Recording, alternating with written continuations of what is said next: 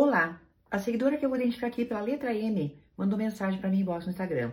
E ela diz: Há dois anos larguei minha cidade, minha família, meus amigos e meu emprego para vir morar junto com o atual marido. Eu tenho um filho de 12 anos do outro casamento que trouxe para cá e temos agora, aí ela fala o nome da bebezinha, que completa oito meses. Eu fico em casa e ele trabalha. Eu cuido de tudo, tudo e mais da bebê. Estou completamente acabada. Ele paga 160 reais por mês para a moça ficar com ela para mim só uma vez na semana para eu poder faxinar a casa. O mais forte da relação é que ele é muito frio. Faz muito tempo que não temos relação. Ele dorme no outro quarto porque ele ronca demais, ninguém suporta. Ele chega e sai e sempre a mesma coisa. Às vezes ele paga uma unha, uma sobrancelha e eu não consigo saber se estou num relacionamento tóxico ou não. Querida, violência patrimonial, ela muitas vezes ela fica nas entrelinhas daquilo que são os acordos que os casais fazem e a gente acaba não entendendo muito bem se está acontecendo alguma coisa de ruim conosco ou se é porque a gente deixou isso acontecer ou se é porque a gente quis ou é para ser assim. É exatamente o que acontece no teu caso. O que é violência patrimonial? É quando você subjuga alguém, quando você segura alguém, quando você coloca uma pessoa no teu controle através das questões financeiras. Veja bem, você faz um acordo há dois anos. Você diz: vamos mudar de cidade, mudo com meu filho, é, estarei né, provavelmente grávida daqui a pouco, porque nós quisemos ter um filho, tarará, tarará.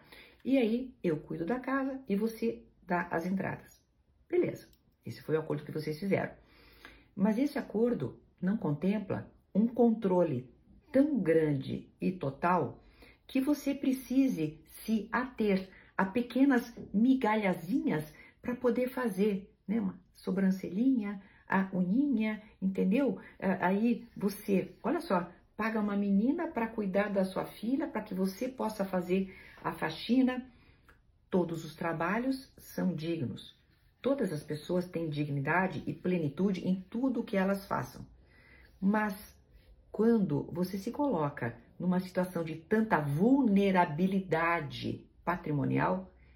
Essa é a questão que eu comento em muitos meus vídeos.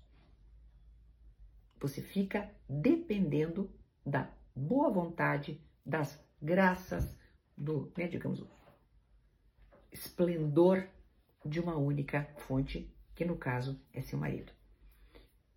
Meu amor, provavelmente, sim, muito provavelmente, você sofre essa violência patrimonial que é um dos elementos da toxicidade de uma relação. A dica minha, então, para ontem é: readquira a sua autonomia financeira. Readquira a sua autonomia financeira.